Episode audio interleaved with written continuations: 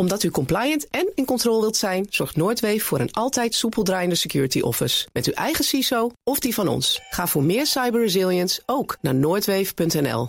Hoi, ik ben Carlijn Meinders. Dit is Wetenschap vanavond. Eén minuutje wetenschap. Want lange tijd was het onbekend waar in de hersenen sensaties werden verwerkt die rond de vrouwelijke geslachtsdelen worden gevoeld. Nu denken ze de spot te hebben gevonden. Het gaat om een deel van de somatosensorische cortex. Dit gebied is betrokken bij de verwerking van tast, pijn en temperatuur. Van veel lichaamsdelen is al langer bekend waar sensaties verwerkt worden in de hersenen. Zo heeft de voet een eigen plekje en ook de knie. Maar het gebied voor geslachtsdelen was moeilijker te vinden, vooral bij de vrouw.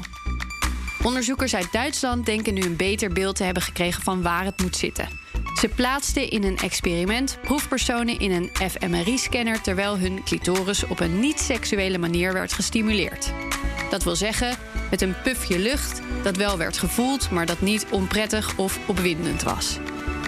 Ze vonden het gebied voor de vrouwelijke geslachtsdelen terug naast de gebieden voor de heupen en bovenbenen. Geen onlogische plek dus. Maar de exacte locatie verschilde wel van vrouw tot vrouw. Ook de grootte van het gebied was niet bij iedereen gelijk. Bij vrouwen die regelmatig seks hadden, was het duidelijk omvangrijker. Kritiek op de studie was er ook. Hoe zeker wisten ze bijvoorbeeld dat ze met deze techniek niet ook andere zenuwen rond de clitoris stimuleerden tijdens het experiment?